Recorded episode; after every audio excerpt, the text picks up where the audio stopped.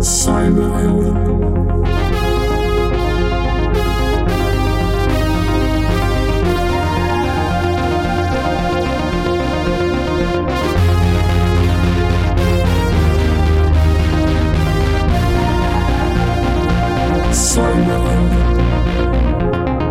Welkom bij weer een nieuwe aflevering van Cyberhelden. De podcast waarin ik in gesprek ga met een gast die zich bezighoudt met de digitale dreiging. Mijn naam is Ronald Prins en deze keer praat ik met Fleur van Leusden. Op Twitter ook wel bekend, als Queen Fennec. Maar in het dagelijks leven zorg jij ervoor dat de geheimen bij de ACM goed bewaard blijven. Nou, welkom Fleur. Ja, dankjewel. Ja, je bent een van mijn jongste gasten denk ik eh, die ik gehad heb. Oh, echt? Gina ook toch? Gina Ja, Gina is ook niet zo dat klopt. Maar ehm, jij hebt echt ontzettend veel banen al gehad ondertussen. Ehm, eh, ja, ik, ik wil niet je hele cv doorlopen, maar ik vind het wel leuk om het toch even over jouw eh, studie te hebben. Want je bent criminoloog. Klopt, ja. En ehm, ja, je zat net al even te vertellen van criminelen worden zo geboren. Nee, dat kan. In sommige gevallen, ja. Ja. Maar het is niet zo dat je geboren wordt als crimineel, maar je kan geboren worden met, zoals het in het Engels heet, een predisposition tot deviant of afwijkend gedrag. Dus je kan genen hebben die in combinatie met omgevingsfactoren een verhoogde kans op afwijkend gedrag eh, Oké. geven. En blijkt ook in de praktijk dan dat de mensen die aangehouden worden, dat die ook vaak eh, die, dat afwijkend gen hebben? Nou ja, kijk, dat is natuurlijk gebleken uit wetenschappelijk onderzoek met Ja. allerlei testen en dat soort dingen. Maar het is niet zo dat mensen die worden gearresteerd eventjes eh, op hun gen worden gecontroleerd Nee. over het algemeen. Dus dat weten we natuurlijk niet het nee, echt. dat mag ook niet echt. Hè? Nee. Hey, en ehm, ja, het is, eh, je bent nog jong, maar dit is wel een tijdje geleden, een jaar of 13, 14 geleden, gok ik zo dat je dan studeerde. Ja. Eh, speelde cyber toen ook al een rol? Ehm, nou, in mijn leven wel, maar in, het, in de wetenschap eh, nog niet zo heel erg. Dus criminologie was nog niet heel erg bezig met cybercrime op dat moment. Nee, dus er was ook niet een vak om dat nog eventjes eh, naar voren te halen of zo. En Nee, nou, dat bestond niet. Nee. Ondertussen, we gaan straks nog even hebben over, je hebt ook bij de politie gezeten. Dus je hebt ook wel met eh criminelen contact gehad of dichtbij gezeten. Mhm. Ehm, zie je dan een bijzonder beeld met, met cybercriminelen? Zijn die anders dan, eh, nou ja, gewoon eh, de op straat criminelen? Nou, sowieso bestaat natuurlijk niet zoiets als de crimineel. Dus het maakt wel heel erg uit wat iemand op zijn kerststok heeft. Zeg maar, een fietsendief kan je niet vergelijken met iemand die een verkrachter is, bijvoorbeeld. Maar wat je wel ziet, eh, in ieder geval bij cybercriminelen, is dat ze vaak veel jonger zijn. Ehm, dan, dan, ik heb natuurlijk in Amsterdam gewerkt bij bureau Financieel-Economische Criminaliteit. En bij bureau Zware Criminaliteit. Met liquidaties, dat soort zaken. Ehm, en de paar onderzoeken naar cybercrime die ik heb gedaan, dat Ja. waren dan wel vaak eh, duidelijk jongeren. Ja, ja. ja, want je moet ook een beetje vaardig zijn natuurlijk met die digitale wereld. En dat zijn meestal de jongeren. Ja, over het algemeen zijn het geen zestigers die, eh, die dingen hacken. Nee, Nee. eh, Heb je, weet je ondertussen, hè, want het is wel heel duidelijk dat de, de, zeg maar, de, de traditionele criminaliteit, dat is allemaal aan het zakken. En eh, cybercrime is heel hard aan het stijgen. Of er nu in de opleiding speciale faculteiten voor zijn die zich richten op cybercrime of zo? Ja, zeker. Ja, je Ja? hebt eh, in Leiden, geloof ik, heb je een hele opleiding ook voor eh cyber governance en dat soort dingen. En volgens mij, maar dat weet ik niet zeker, ik kan me wel voorstellen dat ook eh, de universiteiten die echt criminologie eh, doseren, Ja. dat daar echt wel eh, ruimte is voor cybercrime inmiddels. Want ik zie er ook wel eens papers en onderzoeken voorbij komen daarover. Ja. Ehm, nou, je zei net, je, je had bij de politie gezeten in in ieder geval twee teams. Maar dat waren dan niet teams die zich per, per se op eh, cybercriminelen richten. Hè? Dat was Nee. waarbij, waarbij jij jouw kennis van het internet kon gebruiken om zaken rond te maken. Formeel zat ik bij het informatieknooppunt in Amsterdam op de Elandsgracht, het hoofdbureau toen nog. En ik was eigenlijk een soort vliegende kiep. Dus ik hoorde eigenlijk nergens formeel bij. Eh, maar ik werd vooral ingezet voor, eh, zoals dat toen heette, de Zwakrie en de Bever. Dat zijn de afkortingen van die twee afdelingen die ik net noemde, omdat die in datzelfde gebouw zaten. Bever, Ehm, Bever snap ik niet. Bureau Financieel-Economische Recherche, Oh, BFER, Ja, en ja, dan ja. In het De snel Bever. Bever. Ja. Ja, je zal nog wel weten, in die tijd eh, had ehm, eh, onder andere eh, Bert had natuurlijk Replay toen. Bert Hubert. Ja, ha- Ja. had Ber- Bert mee ontwikkeld. En de telefoontap tool die heette Reliant. Maar dat konden Amsterdammers ook niet uitspreken. Die zeiden Reliant. Ja, ik dacht eigenlijk ook wel dat het Reliant heette. Maar dat is blijkbaar niet zo. Net als eh, Summit, dat werd, eh, of S- Sam IT was de, de dossier Summit. dat noemden ze Summit. Ja, ja, de politie heeft zijn eigen een heel rijtje bijzondere afkortingen. Ja, Ehm, ja eh, als je nou nu kijkt naar, eh, je zit dan niet meer bij de politie, maar je, je volgt wel wat voor soort cybercrime er allemaal is. Ehm, als je dan kijkt naar de toolbox die de politie heeft, hebben ze dan gewoon voldoende om hun onderzoek te kunnen doen? Um, ik denk het wel, maar het is wel ingewikkeld. Omdat je uh, te maken hebt ook met uh, tooling die door de AIVD bijvoorbeeld moet worden goedgekeurd als hulpmiddel. Als ze willen hacken. Ja, goedgekeurd technisch hulpmiddel. Ja. En er zijn allerlei regels over uh, dat je bepaalde tooling niet mag gebruiken als je ervoor moet betalen aan criminelen, geloof ik. En, ja. Ik, ja, ik ben er al een hele tijd uit, maar ik heb het idee dat de tooling is er wel. Maar, maar op zich dat de politie uh, moet kunnen hacken, daar ben je het wel mee eens. Ja, zeker. Want ja. Uh, dat is de enige manier om uh, dat soort misdaad ook echt goed functioneel te kunnen opsporen, denk ik. Ja, en uh, alleen hoe nu dan die hackwet vorm is gegeven, dat maakt het een beetje moeilijk voor ze om het in de praktijk te gebruiken. In sommige gevallen denk ik wel, ja. ja. En, maar dat was het in mijn tijd eigenlijk ook al. En toen had, je, uh, toen had je ook wel weinig bevoegdheden hoor. Maar je probeerde gewoon uh, ja, binnen de binnen, ik zeggen, mazen van de wet, maar dat doe je natuurlijk niet. Nee. nee je probeert binnen de kaders van de wet, probeer je um, ja, zo goed mogelijk je skills in te zetten om uh, nou, problemen en uh, misdaad ja. op te lossen. Nou, je hebt heel veel gedaan volgens mij met uh, OSINT, dus gewoon ja. open bronnenonderzoek. Daar heb je eigenlijk geen bevoegdheid voor nodig, of wel? Ja, in die zin, op een gegeven moment heb je wel een bevoegdheid nodig. Als je een, zoals dat heet, min of meer volledig beeld van een deel van iemands leven krijgt door ja. wat je aan het doen bent, dan heb je wel echt een bevel van de officier van justitie nodig. Um, je kan ook best wel wat informatie opvragen op basis van je eigen bevoegdheid als opsporingsambtenaar. Um, maar inderdaad, op een gegeven moment heb je wel. Uh, nou ja, er zijn toch wel je, regels waar je aan moet houden. Ja, dan moet je langs een officier. Ja, en je moet ook nadenken over je, je opsec, zoals dat heet. Dus um, je gebruikt geen profielfoto's. Dus je eigen veiligheid, hè? En of je zichtbaar bent als politie. Ja, precies. Ja. En ook dus de veiligheid van anderen. Kijk, je kan niet zomaar van Instagram iemand zijn profielfoto pakken en daar een nepprofiel mee nee. maken, want dat is identiteitsdiefstal. Maar tegenwoordig kan je gewoon gezichten genereren hè, met AI. Dus, uh, precies, ja, dus toen kon dat, dat probleem uh, nog niet zo goed. Nee. nee. Hey, uh, maar je hebt ook met uh, Europol samengewerkt, vertelde je? Ja, met, uh, het was het project Illegal Trades in Online Marketplaces, ook wel ITOM genoemd. En daarvoor heb ik workshops gegeven aan onder andere FBI en de Duitse politie. Um, om te laten zien hoe je door middel van OSINT al best wel veel informatie over criminelen kan vinden op dark web. Uh, tot aan echt hun identiteit aan, uh, aan toe soms. Ja, dus dan hoef je niet eens te hacken, maar dan kon je gewoon... Uh, die, die verkochten dus wapens online op het dark web of... drugs, drugs. Of vals geld. Vals ja, dat oh, was echt... Vals geld, dat wordt verkocht? Ja, dat verkochten ja. ze. Dus dan verkopen ze het uiteraard voor een lager en, bedrag dan dat het, het moet voor, zijn het jongens die gewoon een kopieermachientje hebben dan? Of is dat Soms wel. Je ziet ook wel foto's dat je echt denkt van... joh, dat had ik nog beter kunnen doen. Ja. Maar die, die handel gaat ook vaak in bitcoins, denk ik, hè? Dat je moet betalen. Destijds nog niet zo in mijn tijd, nee. Hoe nee. betaalde je dan? Um, toen betaalden ze veel met prepaid uh, creditcards of uh, oh, ja. giftcards. Dus toen ook nog wel. Van die kaartjes die bij de benzinepomp uh, naast de kassa hingen. Die, ja. nou, nou zijn ze er niet meer, want nu hebben we bitcoins. Ja, precies. Toen vroeg ik me altijd al af, waar, waar zijn al die foutjes voor? En bij de HEMA had je ook hele rekken vol. Met, ja, dat, ja. Uh, maar wat ik nog wel kan herinneren, wat ik nog heel leuk vond aan zo'n onderzoek was, ik heb een keer een hele middag besteed aan het uitvogelen wie rondpunt was. Er was iemand, uh, wat ik natuurlijk deed, was op die fora ging zoeken naar Nederlanders. Want wij um, als Nederlandse politie waren niet geïnteresseerd in Italianen of zo. Nee. Wij wilden alleen de Nederlanders. Nou, dat makkelijkste manier was om mensen te zoeken die Nederlands spraken op zo'n dark web forum. Um, dus ik had zo, ik had beet, zoals ik dat dan dacht te hebben. Uh, want er was een Nederlander die heette Rondpunt op dat forum. En dan dacht ik, nou, dat is toch wel een opvallende naam. Dat hoort, dat is toch wel, hè, want daar zocht ik natuurlijk naar. Ja. Ik zocht naar namen waarvan ik dacht, daar kan ik in hè, mee verder zoeken op, uh, op internet. En ik heb de hele middag gezocht. En op een gegeven moment kwam ik erachter dat rondpunt is juist een heel veel voorkomend woord op internet. Want rondpunt is Vlaams voor rotonde. Zeg maar kruispunt. Oh. Ja, ja. Rondpunt. Ja. ja. Mind blown gewoon. Maar is het dan opeens niet meer interessant als het een, een Belgische verdachte wordt? Nee, is niet meer interessant. Nee, nee, nee want wat kunnen, we kunnen er niks mee. Ik heb wel eens dat ik uh, helemaal aan het einde van een onderzoek erachter kwam dat het een, een Belg was. En dan hebben we het wel eens aan de Belgische politie overgedragen. Zo van, nou, ja. als je er wat mee wil, uh, hier heb je de informatie. Maar daar hoor je nooit meer wat van uiteindelijk dan. Nee, en dat hoeft ook op zich nee, niet. Het nee, was, uh, daar was het ook niet echt interessant voor. Nee. Hey, daarna heb je overstap gemaakt. Je bent bij het NFI gaan werken.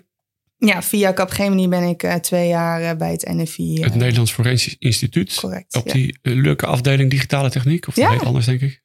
Ja, ja, het heette toen God, uh, nou, software, forensisch softwareontwikkeling, geloof ik. Oké. Ja, en wat deed jij daar? Ik was in het begin was ik gewoon tester. Dus ik testte geautomatiseerd met JSON en nou, allerlei andere software en scriptjes testte ik wat de ontwikkelaars daar maakten. En als ik dan de deur opende en triomfantelijk stond te kijken, dan zag ik de ontwikkelaars alweer denken: oh god, ze heeft weer wat gevonden. En, maar dat, dat was software om forensisch onderzoek te doen op in beslag genomen apparatuur of zo? Ja, bijvoorbeeld uh, software die um, foto's met elkaar kon vergelijken om te bepalen of een foto met dezelfde camera was gemaakt. Dus bijvoorbeeld als je een foto had uh, van kinderporno en je had vervolgens een, een fototoestel van een uh, verdachte of een mhm. telefoon van een verdachte in beslag genomen, dan kon je gewoon een testfoto maken met die, uh, met die, met die telefoon of met, die, met dat fototoestel. En er zit een soort, in elke cameralens zit bij de fabrikage al een uniek soort, soort ruis. En elke foto die je maar maakt... Maar dat zit er per ongeluk in. Dat is niet ja, het is gewoon hoe lenzen van camera's worden gemaakt. Ja. Um, en die unieke soort ruis, soort vingerafdruk van die camera. Dat maakt die camera uniek. Ja. En die software die zij maakte, die kon... Uh, dat heet PNRU. En die kon die ruis met elkaar vergelijken. En dan kon je zien of een foto dus inderdaad gemaakt was. Uh, een en, en, en, als een foto van de JPEG naar GIF wordt geconverteerd of zo, dan blijft dat erin zitten? Nou, dat, dat is een goede vraag. Ik was niet oh. zo, uh, zo uh, goed. Ik, ik maakte de software niet, ik testte het alleen. Ik test alleen maar, doet het wat het moet doen en kan ik het stuk maken? Ja. Was, je, was je onder, in, onder de indruk van wat ze daar allemaal konden? Ja, echt, echt heel knappe mensen. En jonge, veel jonge mensen ook, die echt, nou, ontwikkelaars die, die met vernuftige ideeën kwamen ook. En Nee, was echt heel, heel leuk. Oké. Hey, na het uh, eh, NFI bij, uh, bij de Onderzoeksraad voor de Veiligheid gaan werken. Klopt, nou, ja. Daar kan ik nog niet gelijk een cyberbeeld uh, bij hebben. Ja, ik nu wel, maar... Ja, ze hebben DigiNote daar ook onderzocht voor mij oh, tijd nog. In 2011, tien jaar geleden dit ja, jaar. Ja. ja, dat is waar, ja. ja. En wat, wat was jouw taak daar? Ik was daar digitaal onderzoeker. Dus um, ik hielp bij al, eigenlijk alle onderzoeken die de onderzoeksraad deed. om te kijken of daar een digitale component in zat waar ik kon ondersteunen. En er waren twee onderzoeken die een wat grotere digitale component hadden. waar ik als onderzoeker ja, wat, uh, in verhouding wat meer aan heb kunnen bij. Dus bij een ingestort dak van een eh, voetbalstadion had je niet heel veel te doen, denk ik? Nee, maar wat we wel deden was even overleggen van joh, Fleur, zie je überhaupt hier iets van digitaal ah, in? Uh, want niet, soms ligt het niet heel erg voor de hand dat iets een digitale component heeft. Bijvoorbeeld bij scheepvaartonderzoeken, uh, bij aanvaringen of zo. Dan uh, kan je natuurlijk kijken of er sprake is van een hack, omdat er GPS-spoofing heeft plaatsgevonden of iets dergelijks. Dat, uh, spoiler alert, is niet heel moeilijk bij schepen, helaas. Ja. Um, en daar kan je aanvaringen van krijgen. Dus in dat soort gevallen willen we nog wel eens de apparatuur uitlezen, ook om te kijken van, uh, ja. is er iets gebeurd? Ja. Hey, maar er zijn twee grote onderzoeken geweest uh, met zelfrijdende auto's. Dat moeten we anders noemen, geloof ik. Het heet, god, nou vraag het, de titel van het onderzoek Bestuurde ondersteunende wie, systemen. Wie stuurt? Dat, oh, Zo heet het onderzoek. Dat vond ik ook een hele, hele gave titel, Wie stuurt?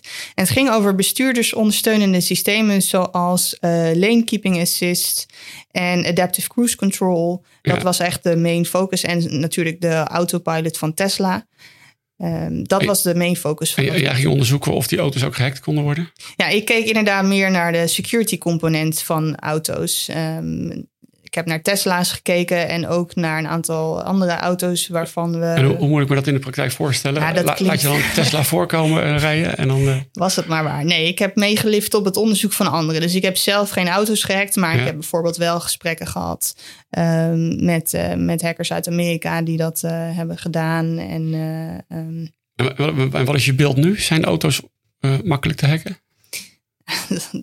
het is afhankelijk van de auto, maar makkelijk nee. Je moet wel echt weten um, waar, je, waar je mee bezig bent. En je kan ook niet meer zo makkelijk meesurfen op die onderzoeken die gepubliceerd zijn van vroeger. Inmiddels zitten er wel echt veel betere gateways in die auto's gebouwd. En uh, men heeft gelukkig wel geleerd van de fouten. Van ja, want dat, is, wat was dan inderdaad dan mijn vraag. Want in de begintijd was het dus blijkbaar wel, stond het allemaal open. En, ja. uh, en nu niet meer. En uh, ja, je zou ook kunnen denken, ja, autofabrikant is goed in te zorgen dat die auto heerlijk op de weg ligt en er een supermotor in zit. Allemaal een beetje uh, Nou, terwijl het ook al vol zit met computers eigenlijk. Maar niet meer echt. eh, dat internet en zo dat is allemaal nieuw voor ze natuurlijk. Klopt, ja. En daar introduceren ze risico's mee. Maar die hebben ze nu wel onder de knie. Ehm ander onderzoek wat je gedaan hebt. Dat is in de, eh, in de zorg. Nu een actueel thema. In de ziekenhuizen. Wat, eh, waar ging dat over? Het ging over grote ICT-storingen in ziekenhuizen waarbij de patiëntveiligheid in gevaar was. En daar heb ik eh, nou, een, een wat grotere rol natuurlijk in gehad, gezien de, de inherente digitale component daarbij. Ehm, en daar hebben we ziekenhuizen bezocht na grote storingen die in het nieuws waren geweest. Ja. En eh, nou, mensen gevraagd. eh, was er veel misgegaan al bij ziekenhuizen dan in die tijd? ja, dat was echt. eh, ik geloof dat er wel drie, vier ziekenhuizen in die periode van dat ene jaar dat we onderzoek deden, zo'n storing hebben gehad. En Ja. volgens mij nog wel meer, maar we hebben ze niet eens allemaal onderzocht toen. Oh ja. En, en nou, wat, wat, wat kwam je tegen? Ehm, ik kwam eh meer ruimtes tegen met eh, TL-balken op de serverkasten, met gaten in de vloer, Oh jee. koffievlekken overal, terwijl er op de deur stond geen eten en drinken meenemen, eh, Ja. stofwolken, nou noem het maar op. En, en ja, we moeten misschien nog even één stapje terug. Computers zijn wel relevant tegenwoordig in ziekenhuizen. Als dat uitvalt, Ja, dan, wel, dan kan je ja. geen zorg meer verlenen. Nou, ehm, wat, ze, het, wat wel opviel was op een gegeven moment was er ook één ziekenhuis die had eh, hun, eh, die hadden een, een, het EPD, hè, het elektronisch patiëntendossier, wat ze nodig hebben om te kunnen bepalen wat voor medicatie iemand nodig heeft, wat voor behandeling, et cetera. Daar hadden ze dan wel een noodoplossing voor bedacht, namelijk op laptops. Maar dat was eigenlijk vooral waar ze over na hadden gedacht als de stroom uitvalt. Oh ja. Maar de Active Directory van ook de laptops stond op dezelfde storage server als de Active Directory van de gewone EPD. Dus in de praktijk kon je niet meer inloggen. Toen de storage server omviel, Ja. werkte ook het nood-EPD niet meer. Ja, ja, ja. Dus er half over nagedacht. En is dat, eh, want je, zegt de, stroom, daar hebben ze dan wel over nagedacht dat die, dat die uit kan vallen. Nou, ook niet altijd bleek achteraf. Er Oh. was één ziekenhuis die had slimme sloten op hun eh, serverkasten gemaakt. Dus daar heb je het netwerk voor nodig om, de, om het slot open te krijgen. Om Oeh. bij je netwerkspullen te kunnen. Dus op het moment dat daar het netwerk. En de toen de stroom een keer uit was gevallen. en daarna het netwerk zich niet herstelde. Konden ze de kast ook niet meer in, konden ze het de netwerk ook kast niet meer niet meer in. open om de Ja. switches te resetten, inderdaad. Oh, ja, ja. dat is ook nog wel. En, maar eh, ehm, ja, kijk, eh, en als je daarnaar kijkt, dit zijn allemaal de, de, de, nou ja, maar de meer de technische anekdotes. Leeft het dan dat er in de ziekenhuizen dat die computers zo relevant zijn, eh, van levensbelang letterlijk? Ehm, krijgen, ja, hebben ze daar een goede eh, afdeling omheen gebouwd om dat in de lucht te houden? Testen ze zaken? Wat, wat voor Nou, soort cultuur hangt eromheen? Het, het zijn gewoon de, je huistuin- en keuken-ICT'ers. De ICT'ers die overal werken. Ehm, en dat klinkt oneerbiedig, zo bedoel ik niet. Het zijn hele goede mensen, juist. Ja, Ehm, maar eh, zij testen hun netwerk en hun backups niet meer of minder dan iemand die in de gewone kantoorautomatisering werkt. Ja, ja. Want, en dat is ook iets wat uit dat onderzoek eh, naar voren kwam. En wat de onderzoeksraad ook heeft aan, eh, als aanbeveling heeft gegeven van behandel ICT in ziekenhuizen niet als gewone kantoorautomatisering, maar als vitaal. Ehm, en test dus meer je backups en je, je netwerk tegen bepaalde storingen en dergelijke. Want het is niet hetzelfde als kantoorautomatisering. Ja en, en dat is een logische vraag natuurlijk. Denk je dat het nu beter is? Maar dat weet je misschien niet, hè? Het zal, op som, het zal denk ik bij de ziekenhuizen waar we zijn geweest beter zijn. Eh, want die zijn denk ik wel geschrokken. Ja. Maar of alle, ik weet in ieder geval wat betreft security is uh, ZCERT er inmiddels. Dit was er nog niet toen ik uh, het onderzoek deed. En ZCERT doet wel echt, uh, echt fenomenaal werk. Dus ik denk dat het wat security betreft als in anti-hacking wel beter aan het worden is. Um, maar ik heb daar natuurlijk nu geen beeld nee, bij. Ik begrijp ik, ja. hey, ondertussen uh, ja, heb je de techniek wat verlaten volgens mij. En ben je nu uh, CISO geworden. Uh, Chief Information Security Officer. Uh, bij de ACM, dus de Autoriteit Consumentenmarkt. Ook niet ja. de eerste, de beste partij. Um, ja, CISO, dat kan je op allerlei manieren invullen. Hoe, hoe, hoe, is dat nu voor jou? Wat ben jij daar, hoe ziet jouw rol eruit? Um, nou ja, ik, uh, als, uh, ik, ben formeel security manager tussen aanhalingstekens uh, CISO overigens. Um, oh. En privacy officer ook bij, uh, bij de ACM. En ik samen met een klein team waak over onze informatiebeveiliging op ongeveer zoveel vlakken als je dat kan invullen. Um, dus we kijken naar nou ja, thuiswerken nu natuurlijk. Hebben we extra aandacht voor awareness, nou ja, de Maar, usual. en, maar betaal, betekent dit uiteindelijk dat je veel met beleid bezig bent en uh, inhuren van bedrijven om uh, red teaming uh, testen te doen of zo? Of, ehm, Nou, ik kan natuurlijk niet in detail treden wat we Nee. allemaal doen bij de ACM als eh, beveiligers. Maar inderdaad, eh, beleid is wel belangrijk. Eh, zonder beleid kan je niet sturen, omdat mensen je dan simpelweg gaan vragen: Dat is leuk, mevrouw, dat u dat zegt dat het zo moet. Maar waar staat Ja. dat dan? En de ACM is natuurlijk een organisatie wat vooral uit juristen bestaat. Dus die houden ervan als dingen ergens opgeschreven staan. ja, En dan kan ik ze geen ongelijke geven. Dus beleid is je basis, eh, inderdaad. ja, ja, en ehm, ja, we hebben eigenlijk eh, recent contact gehad op Twitter met elkaar naar aanleiding van een trouwartikel. Ik weet niet of jij dat nog herinnert. Ja, dat vergeet ik niet snel. En, ehm, en daar, dat trouw had eh, mijn term cyberhelden gepikt. Die vond dat CISO's cyberhelden moeten zijn. Eh, de CISO's die jij tegenkomt, zijn dat vaak cyberhelden, denk je? Ja, dat is, het, is, het is een werkgebied wat heel divers is. Dus er zitten mensen tussen, net als ik denk elk vakgebied zitten er mensen waarvan je denkt van wat doe jij hier? Eh, je kan beter wat anders gaan doen.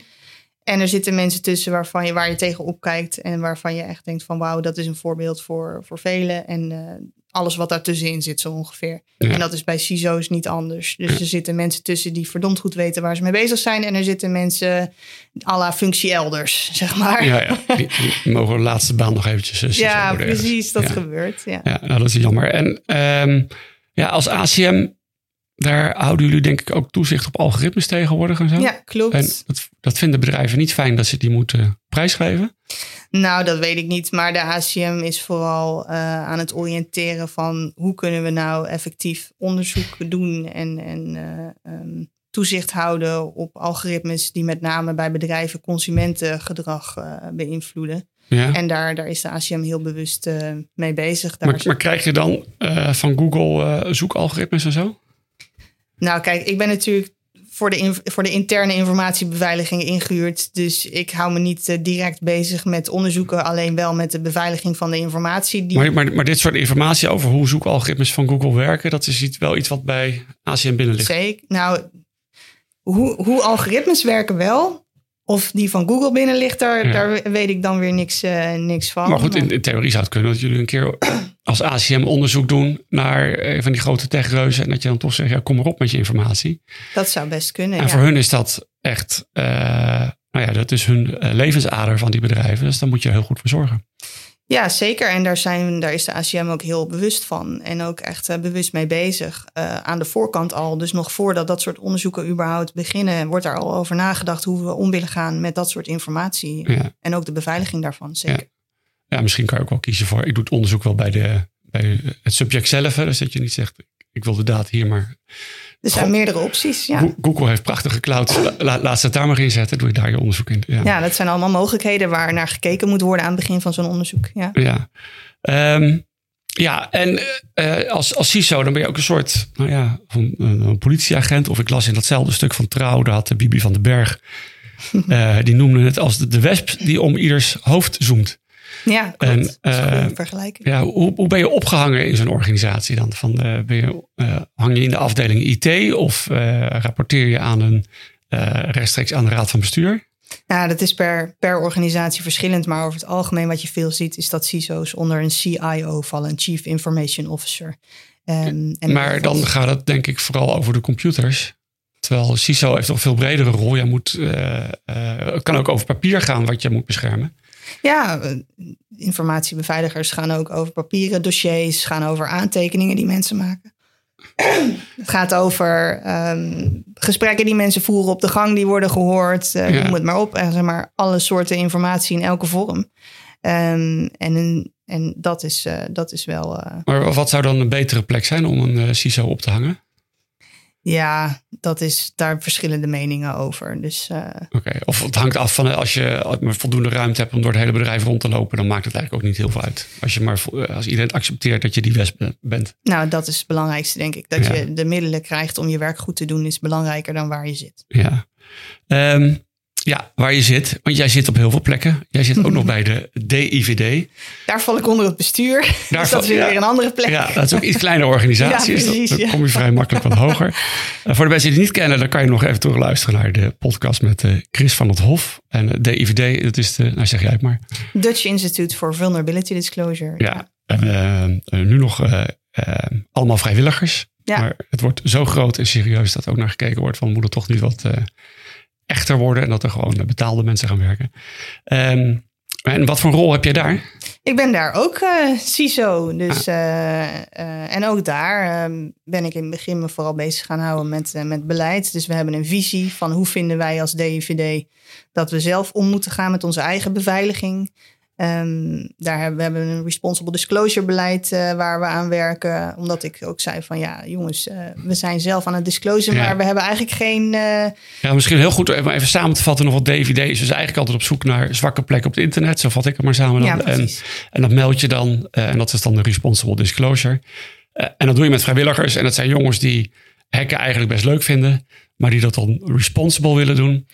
Um, maar ja, daar zijn ook wel uh, soms een beetje grijze gebieden. Ben jij dan ook degene die hun erop moet wijzen van dit mag wel net als je gaat uh, scannen en dit mag net niet? Nou, ik ben geen politieagent, maar ik probeer mensen wel alert te houden. Dus wat ik wel doe is inderdaad uh, vragen, kritische vragen stellen. Moeten we dit nou wel doen?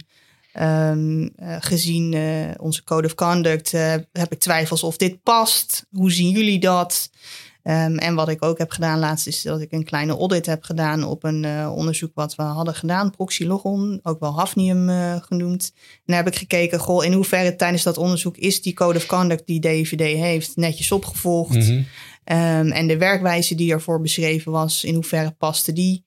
En daar heb ik een klein rapportje over geschreven. En dat is trouwens allemaal openbaar ook. En, en hoe deden ze het?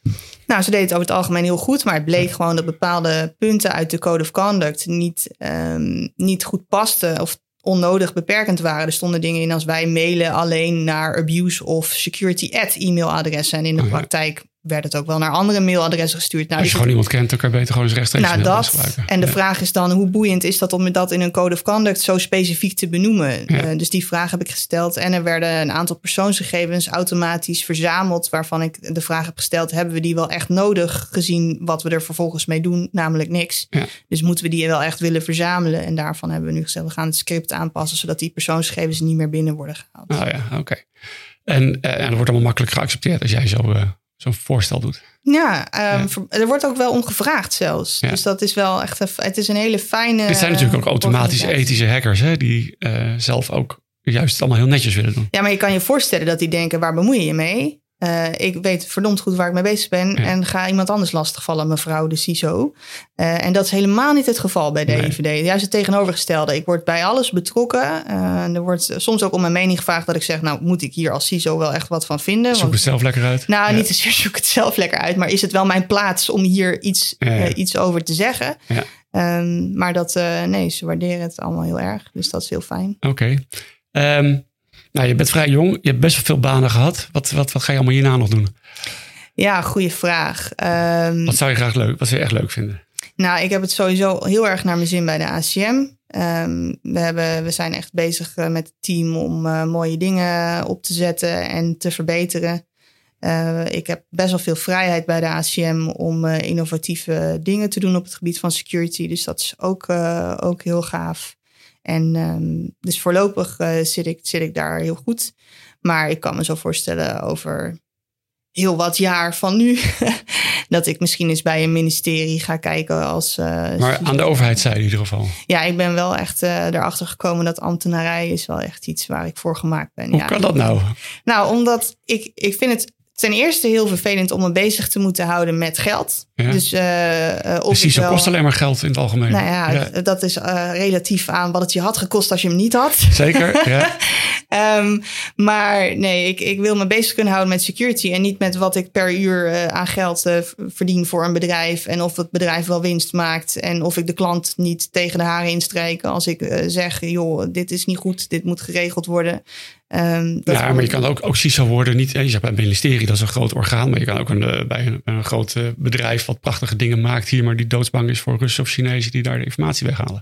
Ja, nou ja, dat, daar, dat zou ook kunnen. Um, maar de, reden, de andere reden dat ik ambtenarij erg leuk vind, is omdat mijn, mijn hart gaat uit naar zeg maar het goede. Dus ja. um, en, en de overheid is toch wel voor burgers uh, erg belangrijk. En daarom geeft dat voor mij een extra gevoel van, nou ja, uh, voor een goed doel bezig ja. zijn. En, en als ik iemands uh, geheimen moet bewaken voor spaarlampen of zo, dan zonder daar oneerbiedig over te zijn. Maar dan is dat niet, niet inderdaad waar Nee. ik eh, in de eerste instantie naar zou kijken. Nee. Oké, dankjewel. Fleur van Leusden, heel veel dank voor dit gesprek. Elke donderdag kan je naar een nieuwe aflevering van Cyberhelden luisteren. Mijn gesprekken met de Cyberhelden kan je terugluisteren via Spotify en de podcast-apps van Apple en Google. En natuurlijk ook via de website cyberhelden.nl. Veel dank weer voor het luisteren en graag tot volgende week.